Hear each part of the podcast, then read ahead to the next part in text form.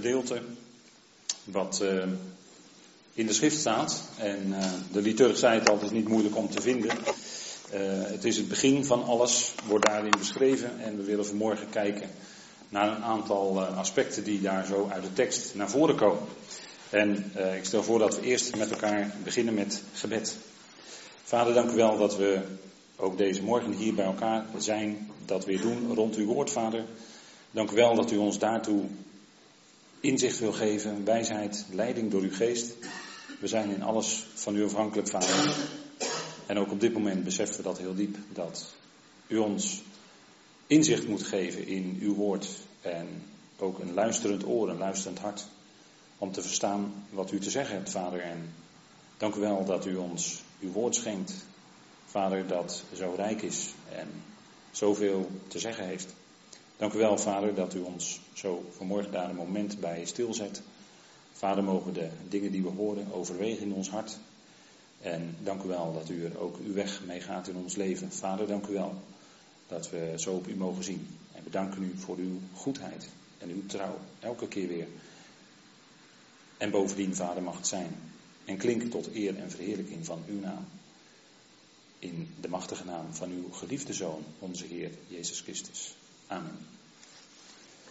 Goed, Genesis 1, eh, vers 1 tot en met 13. Het stukje dat gelezen is met uh, de eerste drie dagen. De eerste drie dagen van, uh, die in, hier in Genesis beschreven staan. Genesis, het eerste boek wat in uw Bijbel staat als Genesis aangeduid. Nou, het woord Genesis betekent wording. En dan hebben we direct al een beetje moeite mee, omdat um, als je kijkt in Tenach, dus in de Hebreeuwse schrift, dan zie je steeds dat de beginwoorden, de eerste woorden van een Bijbelboek eigenlijk gekozen worden als titel boven het boek. En dat is zeker ook in het geval van dit Bijbelboek veel beter. Uh, Genesis is namelijk niet wording, want wording uh, dat, dat veronderstelt misschien gedachten van evolutie. Daar willen we het vanmorgen uitdrukkelijk niet over hebben. Maar uh, het gaat om het begin. In Genesis, in dit boek, staat ook het begin van veel dingen. En we willen vanmorgen dan een ogenblik stilstaan bij het begin van de schepping. In begin, dat is het eerste boek van wat, de, uh, wat Israël dan zegt, de Torah. Dat zijn de eerste vijf boeken van de schrift. De Torah van, uh, die altijd toegeschreven worden aan Mozes. En nu is het bijzondere dat juist dit eerste Bijbelboek niet door Mozes geschreven is, maar door diverse schrijvers en later waarschijnlijk samengevoegd door Mozes. Dat neemt niet weg dat het natuurlijk van A tot Z geïnspireerd woord van God is. Dat maakt helemaal geen enkel verschil. Maar dit eerste boek is dus niet geschreven door Mozes, maar door anderen. En het voert veel te ver om daar heel diep op in te gaan deze ochtend. Maar in ieder geval denk ik dat het goed is voor u om dat te beseffen. dat is ook de indeling van het boek, wordt ook gemaakt door bepaalde uitdrukkingen, waardoor het boek eigenlijk in twaalf delen uiteenvalt. En die verschillende delen zijn door verschillende schrijvers geschreven. Dat blijkt ook uit de tekst. Dus hier gaat het om in begin. U ziet het daar in Hebreeuws, in Hebreeuwse letters, berashit. En dat betekent heel letterlijk in begin. En dat is eigenlijk ook de veel betere titel van dit eerste boek van de schrift. In begin, want hier gaat het om het begin van alles. En wat wij zien in dit boek is het begin van de schepping. En dat lezen wij in hoofdstuk 1, vers 1 tot en met 2, vers 4. Eh, tot 2, vers 4. En daarna het veel langere gedeelte over het begin van de generaties. En dat is een belangrijke indeling, omdat die twee beginnen in dit boek duidelijk naar voren komen. Het begin van de schepping, wat te maken heeft met de hemelen en de aarde. En het begin van de generaties. En dat is, een, dat is heel belangrijk dat we dat verschil goed opmerken hier in dit Bijbelboek. En de schepping, zoals die door God gemaakt werd, die lezen wij eigenlijk in dat eerste vers. En die oorspronkelijke schepping, daarvan uh, zeggen sommige mensen, ja, scheppen is eigenlijk iets maken uit niets. Nou, dat, is niet, dat klopt niet, want zo staat het ook nergens in de schrift. De schepping is namelijk uit God. De schepping is uit God. Zoals alles uit God is, is ook de schepping uit God. God schiep de hemelen en de aarde. Dat is een geweldige uitspraak. Dat zijn zeven woorden in het Hebreeuws. In het begin schiep God de hemelen en de aarde. En die schepping die is uit God. Die is niet uit niets, maar uit God. Dat is de oorsprong van alles. En daarmee heeft een mens voor zijn leven al direct richting. Want als je niet weet wat de oorsprong is van alles, zul je ook nooit weten waar het allemaal toe leidt, waar het allemaal gaat uitkomen in de toekomst. En Paulus vat het fantastisch samen, door God geïnspireerd in Romeinen 11, dat alles uit hem en door hem en tot hem is. Dus de schepping is uit God en is uiteindelijk ook tot hem, dat wil zeggen, naar binnen in hem. En dat wil zeggen, die hele schepping zal ooit terugkeren bij God. Hoe ver die schepping misschien, schepselen ook misschien in duisternis bij God vandaan kunnen afdwalen. Maar uiteindelijk zullen ze toch weer terugkomen bij God. En een fantastische samenvatting van heel Gods plan is Romeinen 11, vers 36. Maar veel mensen, en ik moet helaas zeggen, veel christenen geloven dat niet, wat daar staat. Die geloven niet dat alles uit God is. En ik zou u zo een aantal dingen kunnen noemen. Waarbij mensen heel veel moeite hebben om dat toe te schrijven aan God uiteindelijk ten diepste. Maar God is de bron van alles. En nog veel moeilijker wordt het als we zouden nadenken over dat alles ook door God is. En ook heel moeilijk is het als we beleiden dat alles tot God is, tot Hem in. Maar de schepping is niet uit niets, maar de schepping is uit God. En het fantastische wat Paulus zegt in Colossense 1, een kolossaal hoofdstuk, is dat die schepping geschapen is in de zoon van zijn liefde. Alsjeblieft. De zoon van zijn liefde. Want hij is het beeld van de onzichtbare God. God is liefde en hij wilde zich bekendmaken aan zijn schepping. En de eerste die geschapen werd, de eerstgeborene van heel de schepping, is de zoon. Is de zoon van zijn liefde. Hij is de eerstgeborene van heel de schepping. Dat schrijft Paulus in Colossense 1. zijn woorden waar je diep over moet nadenken. Wat dat allemaal betekent. En het is geweldig dat als het zo is dat alles geschapen is in de zoon van zijn liefde, dan betekent dat dat alles altijd, te allen tijden, verbonden is met God. Want alles is oorspronkelijk in de zoon van zijn liefde geschapen. En hoe je dat moet verstaan, daar zullen we later vanmorgen op terugkomen. En de schepping, waardoor is die schepping tot stand gekomen? Door het woord. En, en ik denk dat veel mensen zich vergissen in de kracht van het woord. Maar ik geloof in de kracht van het woord.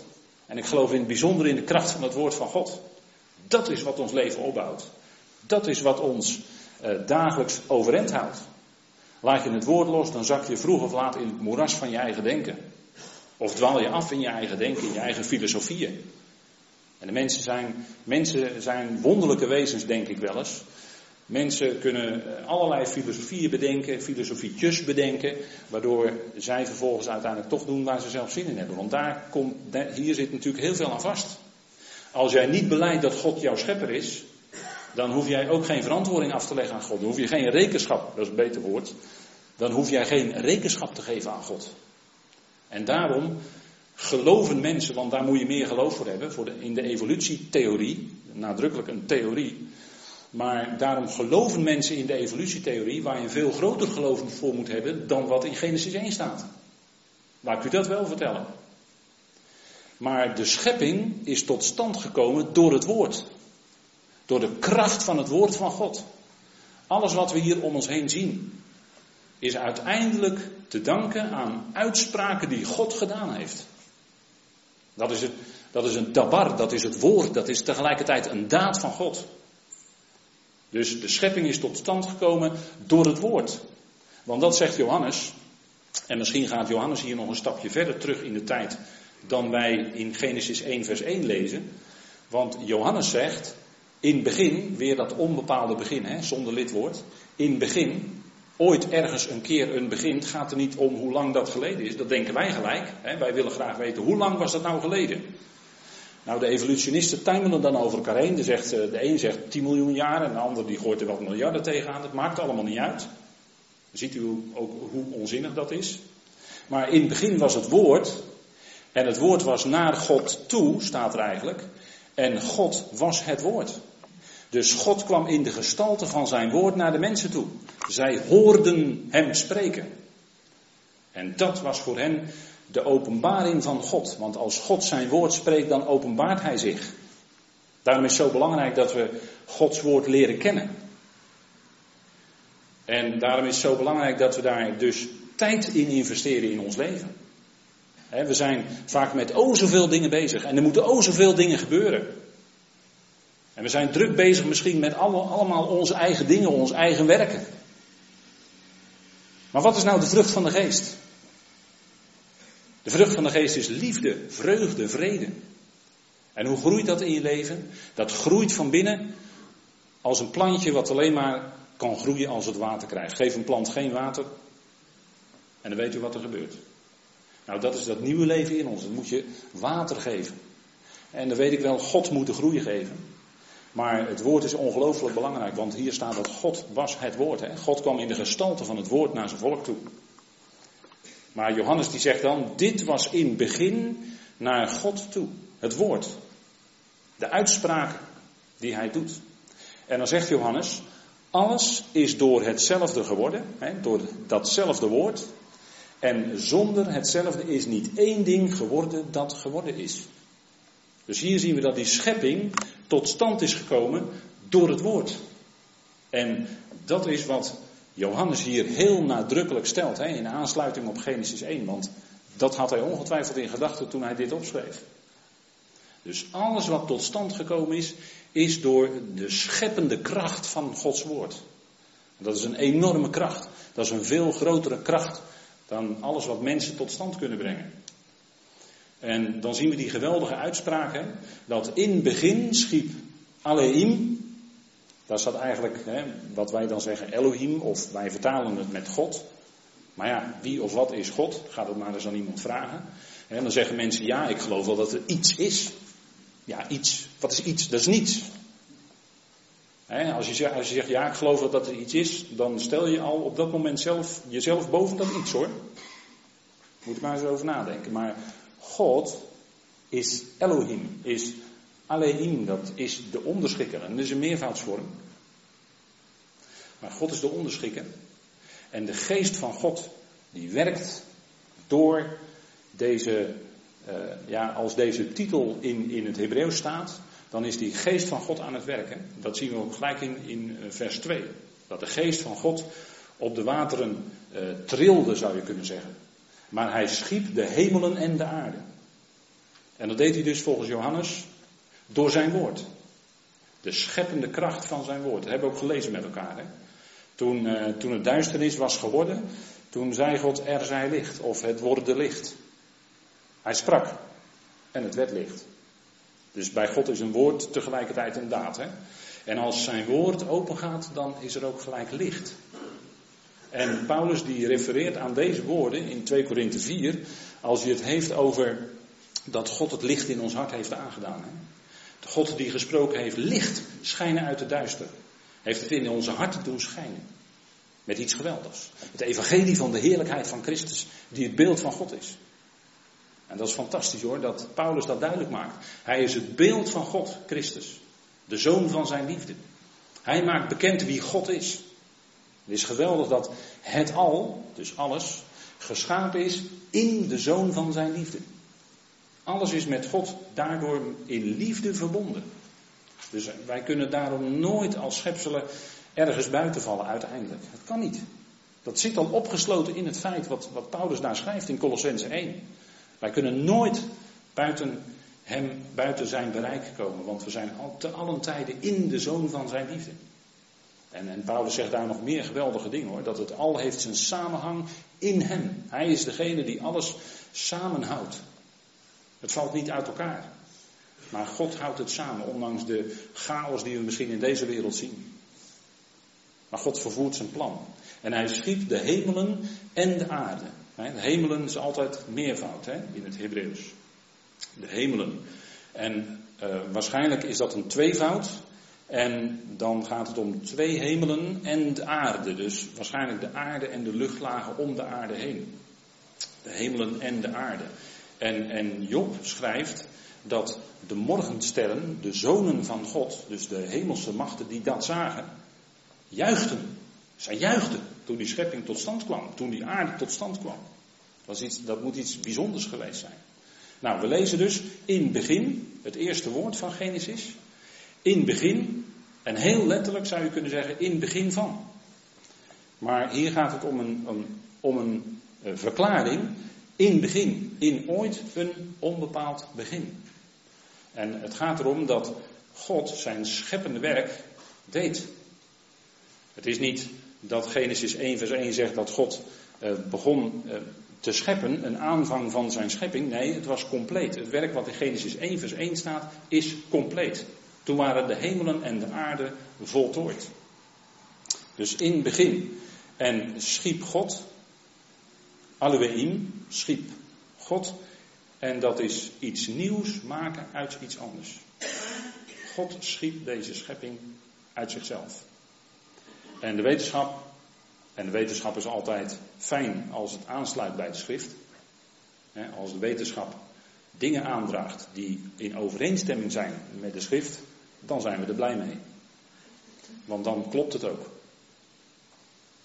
Maar uh, scheppen, hè, dus de schepping is een eenheid. We vinden de schepping overal, vinden we het verdeeld in dezelfde onderdelen. Als je heel ver teruggaat naar de kleinste onderdeeltjes, dan zie je dat er een eenheid is in de schepping.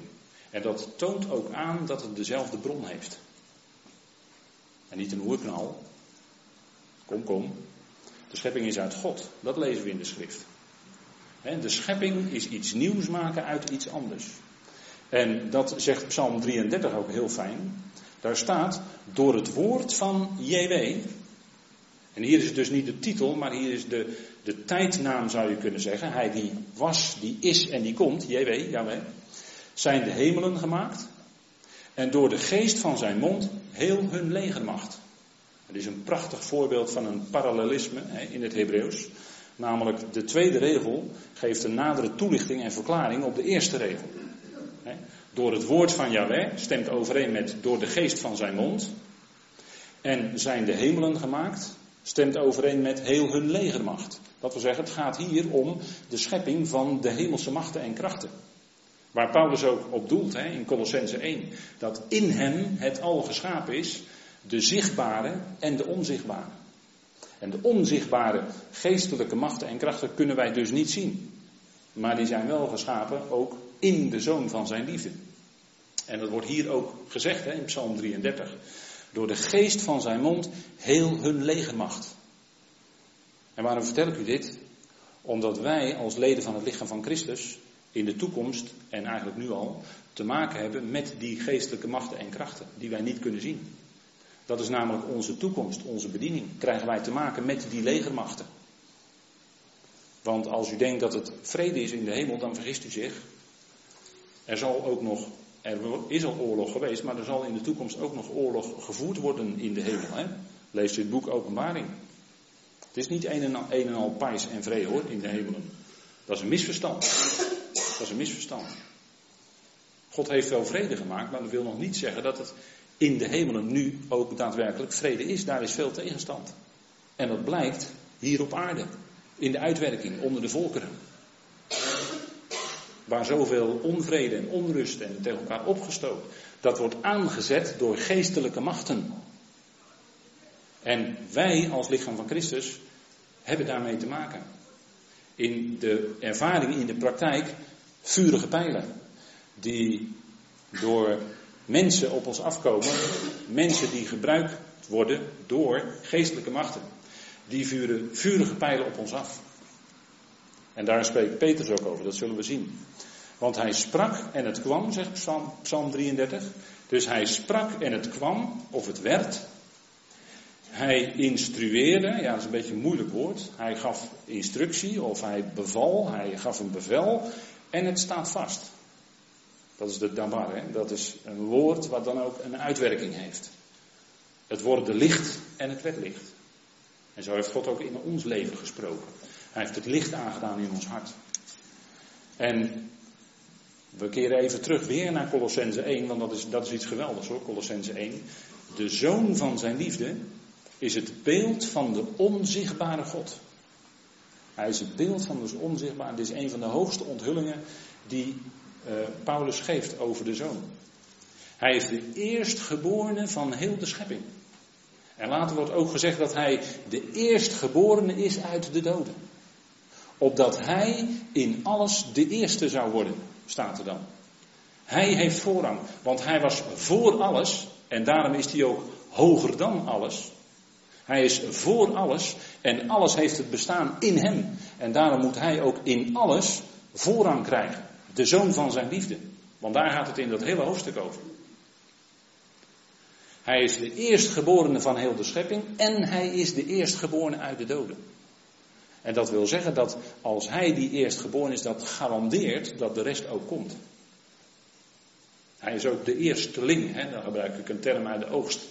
Hij is de eersteling en omdat de eersteling er is, zal ook de hele oogst gaan komen. Maar dit is iets, dit is iets bijzonders hoor, wat in Colossense 1 staat. Het al werd namelijk geschapen in de zoon van zijn liefde. Daar zouden we goed bij stilstaan. Want dat is ongelooflijk belangrijk. Voor uw hart, voor uw leven. Dit is iets niet wat, wat theoretisch is, wat ik nu vertel. Dat is niet theoretisch hoor. Staat niet ver van u af. Maar dit is voor uw hart. Dit is dat u zich geborgen weet, dag aan dag, minuut tot minuut, in de zoon van zijn liefde. Als dat je geborgenheid is, dan krijg je wandelvastheid. Dan krijgt je hart zekerheid. Dan krijgt je hart vertrouwen. Want dan kun je vertrouwen op die God. Die je nooit los zal laten in welke omstandigheid dan ook. En dan gaat het door diepten heen, door lijden heen, door verdrukkingen heen. Niettemin blijven we altijd, blijft hij ons altijd aanzien in de zoon van zijn liefde. En wat betekent dat nu geschapen in? Dat kan ik niet pakken, zegt u misschien. Hè? Nou kijk, zoals een hele kastanjeboom eigenlijk al in die kastanje zit. Dus zoals een boom al opgesloten zit in het zaad, zo zat die hele schepping van oorsprong in Christus, in de zoon van zijn liefde. En God heeft ook niet alleen in hem, maar ook door hem en tot hem het al geschapen. En ik hoop dat u dan iets beter kunt pakken. Hè? Zoals een geweldige grote boom in een piepklein zaadje kan zitten, zo zat heel die schepping in de zoon van zijn liefde. Want hij was de eerste. Hij is de eerstgeborene van heel de schepping. En uit hem en door hem is alles voortgekomen. Nou, dat is iets fantastisch, hè? En, en dat is de eerste stap die God zet in zijn plan van Ionen, hè? Want God heeft een geweldig doel voor ogen mensen die denken wel eens dat God misschien geen bedoelingen heeft. Nou, God heeft wel hele specifieke bedoelingen met heel de schepping. En schepping is de eerste stap op weg in zijn plan van eonen, waar Paulus over spreekt in Efeze 3. Die spreekt als enige over Gods plan van eonen, van tijdperken. En God zet dan met die schepping de eerste stap. Waarbij als toen de aarde geschapen werd, die morgensterren juichten. God schiep de hemelen. En als we kijken in de tijd, hè, dan zien we eigenlijk dat er drie hemelen te onderscheiden zijn. Hè. Drie, ja, je zou misschien zeggen fases, maar dat is niet helemaal de juiste woord, denk ik. Drie hemelen. De eerste, namelijk, die, daarover lezen wij in Genesis 1. Het eerste vers. De tweede, hemelen, waar wij nu onder, en bijna zou ik zeggen inleven, maar waar wij nu onder leven, dat is een heel groot gedeelte van de schrift. Genesis 1, vers 2 tot en met openbaring 20. En dan heb je de derde hemelen, openbaring 21 en 22. Dus drie hemelen gerekend in de tijd. En zo ontwikkelt God zijn plan. En dan zegt Petrus, dit moet u allereerst weten, dat in het laatste van de dagen spotters zullen komen, die naar hun eigen begeerte gaan. Let op die toevoeging, hè? die naar hun eigen begeerte gaan. Die leven gewoon zijn wel gelovigen, maar ze leven gewoon hun eigen leven. En zij spotten. Dat woord betekent met woorden iemand van binnen hard raken. Dat is spotten. Zo waren er bij het kruis allerlei spotters die de Heer bespotten. Die met hun woorden hem van binnen wilden raken. Dat zijn spotters. En in de laatste dagen zijn er spotters, zegt Petrus. Mensen dus die met woorden bij jou in willen slaan. En dat zijn misschien wel gelovig, maar die gaan naar hun eigen begeerte. En dat is ook de reden waarom zij spotten. Want zij willen graag hun eigen leventje, hun eigen mooie leventje voortzetten. Zijn wel gelovigen, maar ze willen eigenlijk niet dat de Heer ook daadwerkelijk Heer is in hun leven. En zeggen, wat zeggen zij dan, die spotters? Want zij zeggen iets, hè, zij spreken. Want zij gebruiken woorden, zei ik net. Waar is de belofte van zijn aanwezigheid? In uw vertaling leest u komst, maar hier staat het woord aanwezigheid. Waar is de belofte van zijn aanwezigheid? Want sinds de vaderen ontslapen zijn, blijft alles zoals vanaf het begin van de schepping. Waar is nou de belofte van zijn aanwezigheid, zeggen ze? Hij heeft het toch beloofd? Nou, waar blijft hij dan? He, bij wijze van spreken. Ik probeer het even weer te geven in mijn eigen woorden. Wat die spotters dan zeggen. En ze zeggen eigenlijk dat alles hetzelfde is gebleven vanaf het begin van de schepping. En dat is niet waar. Want dat veronderstelt een geleidelijke ontwikkeling. Die uiteindelijk alles langzaam maar zeker op een steeds hoger plan brengt. Maar dat is valse filosofie. Dat is valse filosofie. Het is niet een geleidelijke ontwikkeling, maar er zijn grote ingrepen geweest van God in de tijd. In de schepping ook zelfs. God heeft een grote ingreep gedaan. Direct na Genesis 1, vers 1. Hoe lang die tijd dan ook maar geweest is, hè? de eerste aion. In het begin schiep God de hemelen en de aarde, want die spotters die zeggen iets over vanaf het begin van de schepping. En in Genesis 1 vers 1 lezen we over dat begin, hè, dat allereerste begin van de schepping. En ze zeggen ja, alles is hetzelfde gebleven. Dat is niet waar, want dat kun je ook terugvinden in de aardlagen, maar vandaag ook geen geologie. Maar je kunt het wel terugvinden in de aardlagen, in de aardlagen als je eerlijk bent.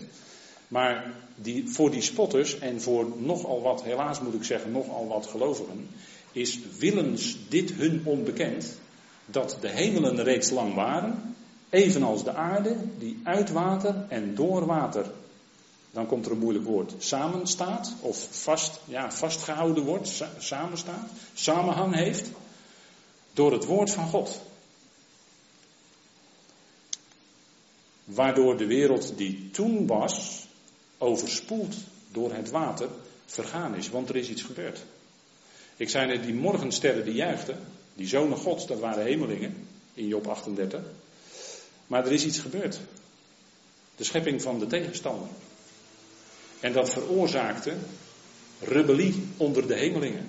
Dat veroorzaakte een enorme opstand tegen God.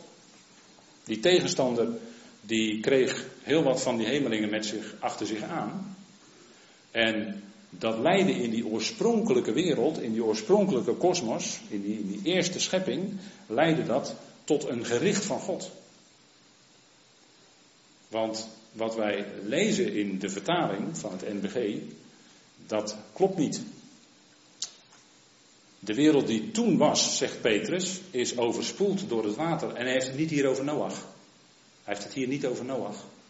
Want dat heeft hij in hoofdstuk 2 behandeld, Petrus. 2 Petrus 2, leest u het maar na. 2 Petrus 2, vers 5, daar noemt hij Noach.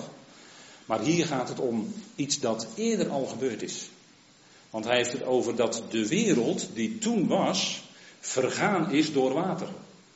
En die hele wereld, dat betreft de hemelen en de aarde uit Genesis 1, vers 1. Die liep helemaal onder water, om het zo maar te zeggen. En hoe je dat precies voor moet stellen, dat, uh, daar kunnen u de hele middag over nadenken. Of met elkaar over praten eventueel.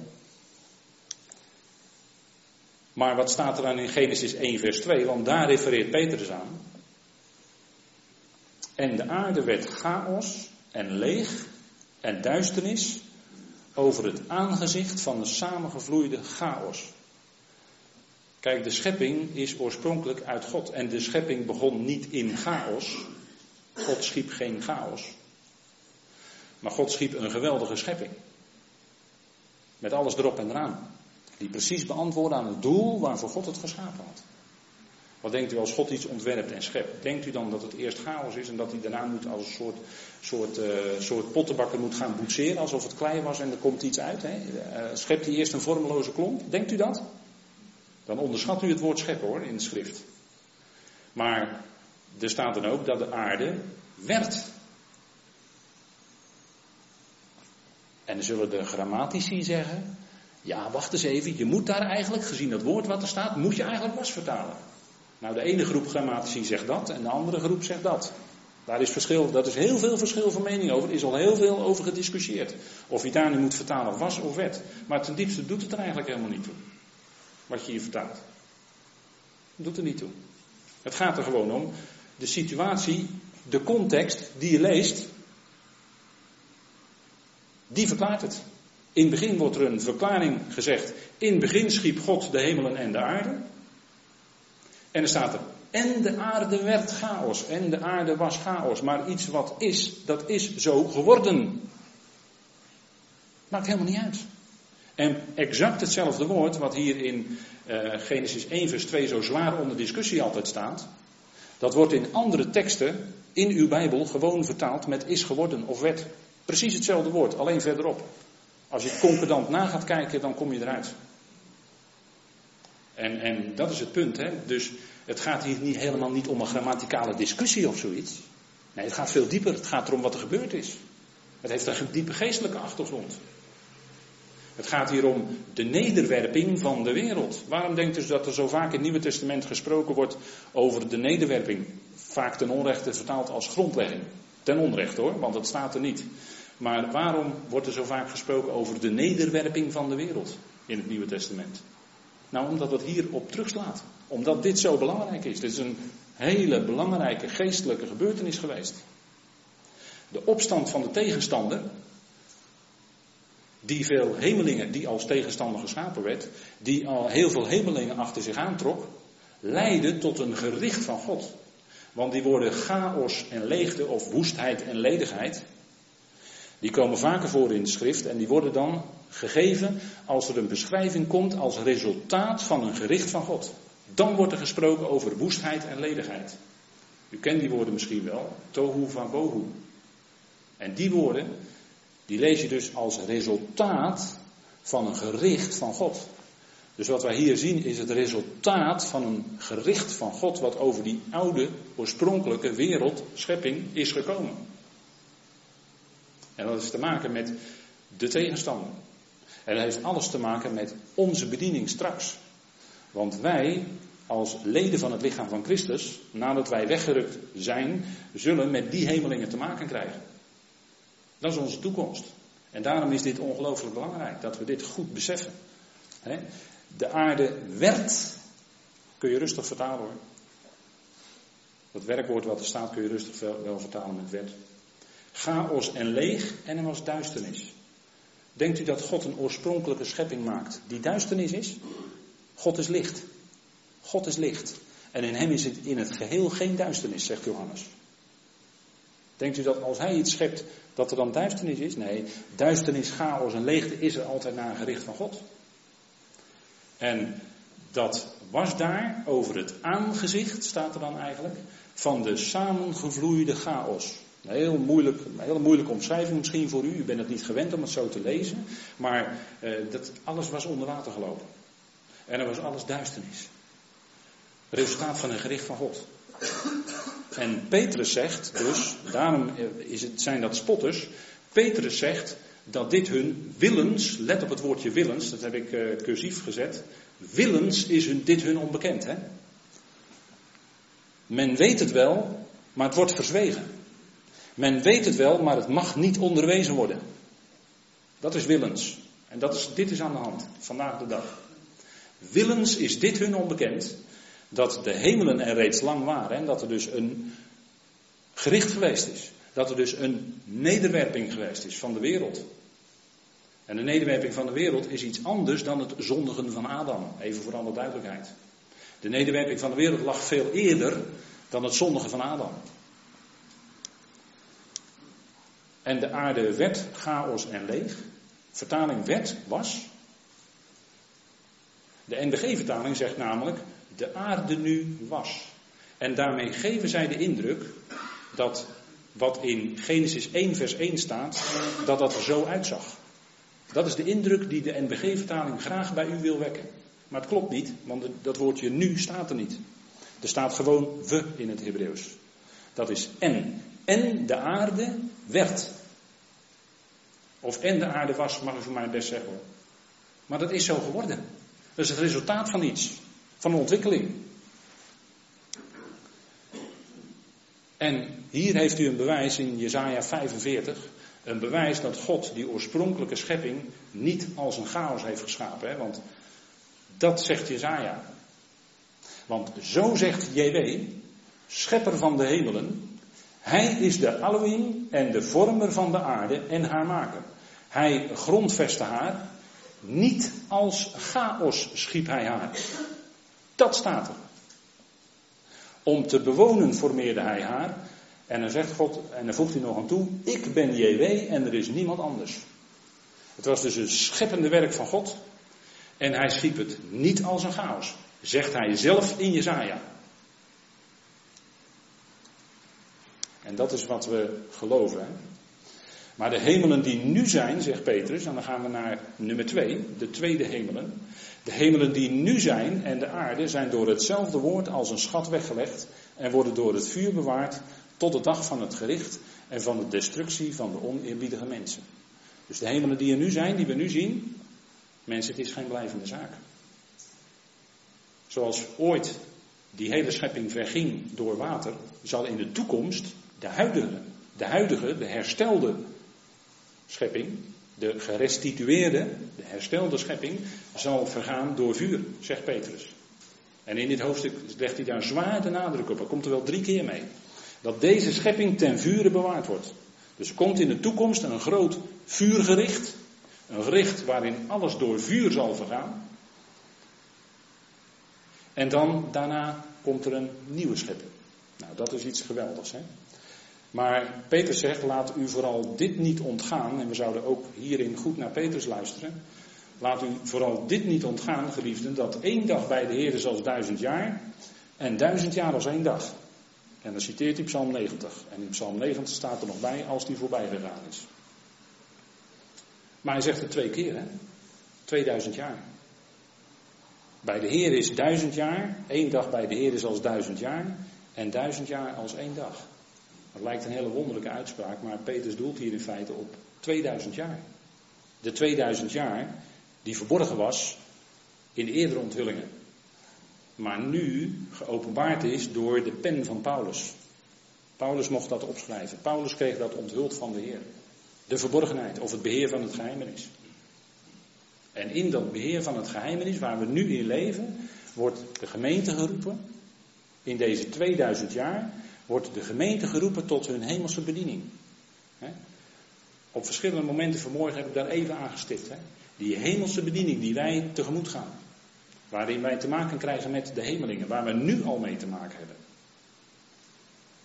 Om die tot verzoening en onderschikking te brengen onder de voeten van Christus. Dat is iets, hè? Dat is iets. Dat is een roeping. Dat is een hoge roeping.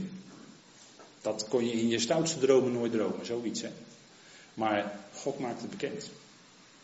En de brieven van Paulus, die getuigen daarvan.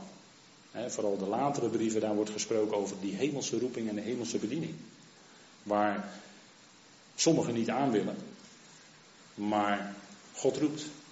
God roept uit. God trekt. En hij zal ons gaan inzetten in de toekomst. Nadat wij weggerukt zijn naar 1 Thessalonicense 4. Om deze bediening in te gaan. Om die hemelingen die afvallig zijn geworden van God, om die terug te brengen onder de voeten van Christus. Want zij waren ook immers ooit geschapen in de zoon van zijn liefde. En wij gaan die liefdeboodschap ook bekendmaken aan die hemelingen.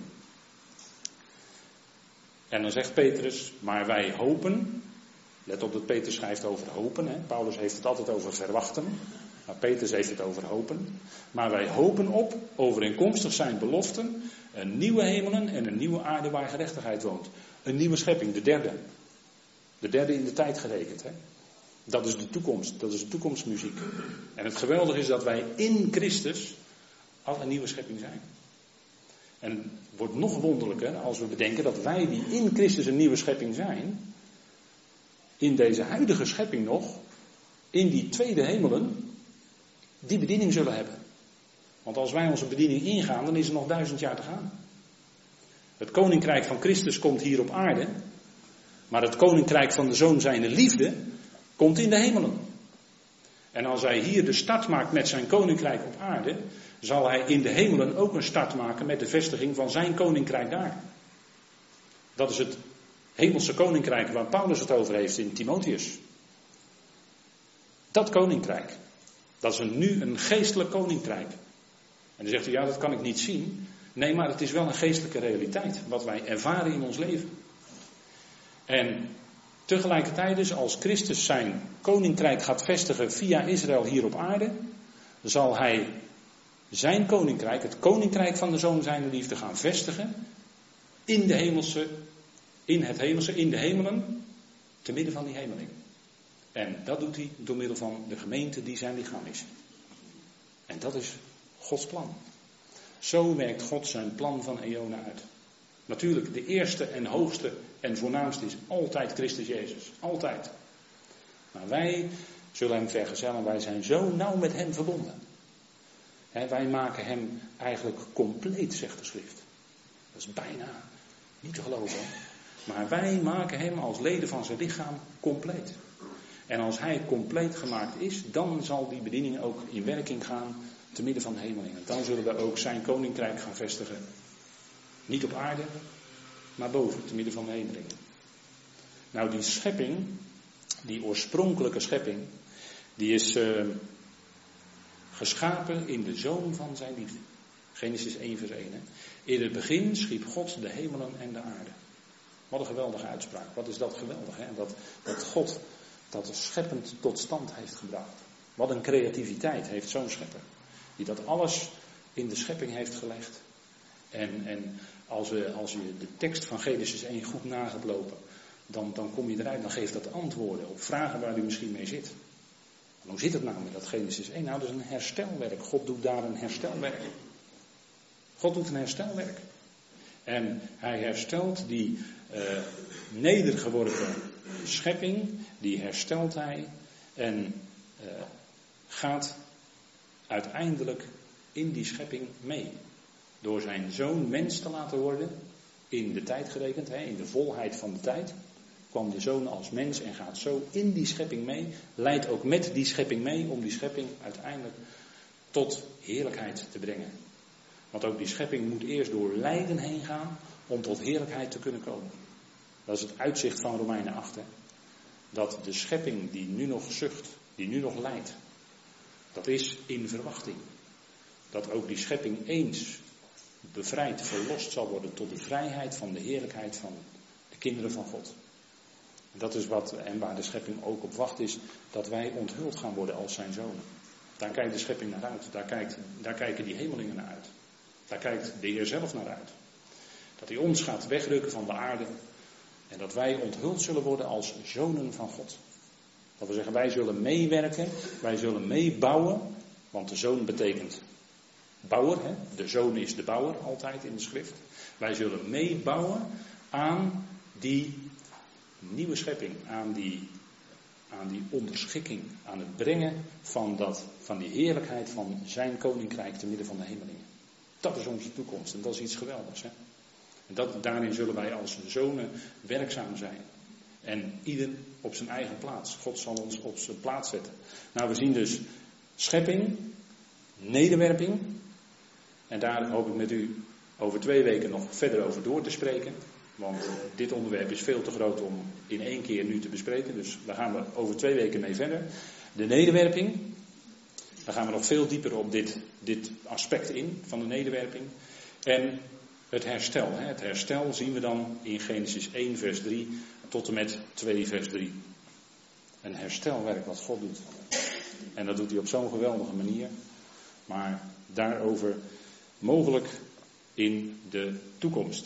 Goed, ik wil het hierbij laten. Tot zover. Zullen wij de Heer danken. Vader, wij danken u dat we ook vanmorgen een moment stil konden staan bij wat de schrift zegt. Hoe u het werk heeft gedaan in schepping en herstel. Vader, dank u wel dat als er een gericht is geweest, dat het nooit, Vader, zonder doel bij u is. Ook de gerichten hebben een geweldig doel. U komt door gerichten en uiteindelijk door genade heen tot uw doel met ieder mens, met ieder schepsel. Vader, dank u wel dat wij als leden van het lichaam van Christus zo nauw betrokken zijn bij deze eerste woorden uit de schrift. Vader, die we door vertalingen worden we op verkeerde been gezet, vader. Dank u wel dat u door geweldige methoden, waarvoor u uw broeder nog riep, om dat duidelijk te maken, om dat te laten zien. Vader, dat we door die geweldige methode uw schriften gaan ontdekken zoals ze werkelijk bedoeld zijn, zoals ze geschreven zijn. Vader, want u heeft uw woorden zeven keer gefilterd om ze zo zuiver in uw schrift neer te leggen, woord voor woord. Vader, dan zouden wij met heel veel eerbied en diep respect ieder woord bestuderen, Vader, om te zien wat u te zeggen hebt. Vader, en als we iets van dat eindresultaat mogen zien, dan zien we een geweldig plan. Een plan waarin u tot uw doel gaat komen, uiteindelijk met ieder mens, met ieder schepsel. Vader, dank u wel dat u ons roept voor zo'n bijzondere hoge roeping, te midden van de hemelingen. En vader, doe ons dan dag in dag uit waardig wandelen aan die roeping. Vader, dat we onderling die vrede die u heeft tot stand gebracht door het bloed van zijn kruis. En dat is ook van de zoon van zijn liefde. Vader, dat die vrede ook iets is dat ons vergezelt. Vader, dank u wel dat we uw woord hebben. Vader, dat uw woord is een rijke schat en uitzicht geeft, licht geeft. Vader, de opening van uw woorden verspreidt licht. En dank u wel dat we zicht hebben datgene wat u doet en gaat doen. Vader, dank u wel dat u zo bent bij hen die het moeilijk hebben. Vader, wees hen genadig nabij. U kent de niet omstandigheden. En dank u wel dat u ook daarin dat woord geeft als steun, als kracht, als bemoediging. Vader, als troost. Dank u wel dat er geen betere troost is dan die woorden van u. Vader, mogen we dat ons steeds bewust zijn en die woorden in ons laten komen. Vader, dat het ons hart verlicht is en dat we zien hoe het zit. Dank u wel, Vader, voor uw goedheid, dat u ook deze ochtend nabij wilde zijn. Dat u woorden gaf om te spreken, dat u ons een luisterend oor gaf. Vader, mogen we zo deze week, de komende week, ingaan in het besef dat we nooit buiten uw liefde kunnen vallen. Maar dat u ons te allen tijden vast in uw hand heeft. Vader, dank u wel voor die geborgenheid. Dank u wel voor het uitzicht. In de machtige naam van uw geliefde zoon. Amen.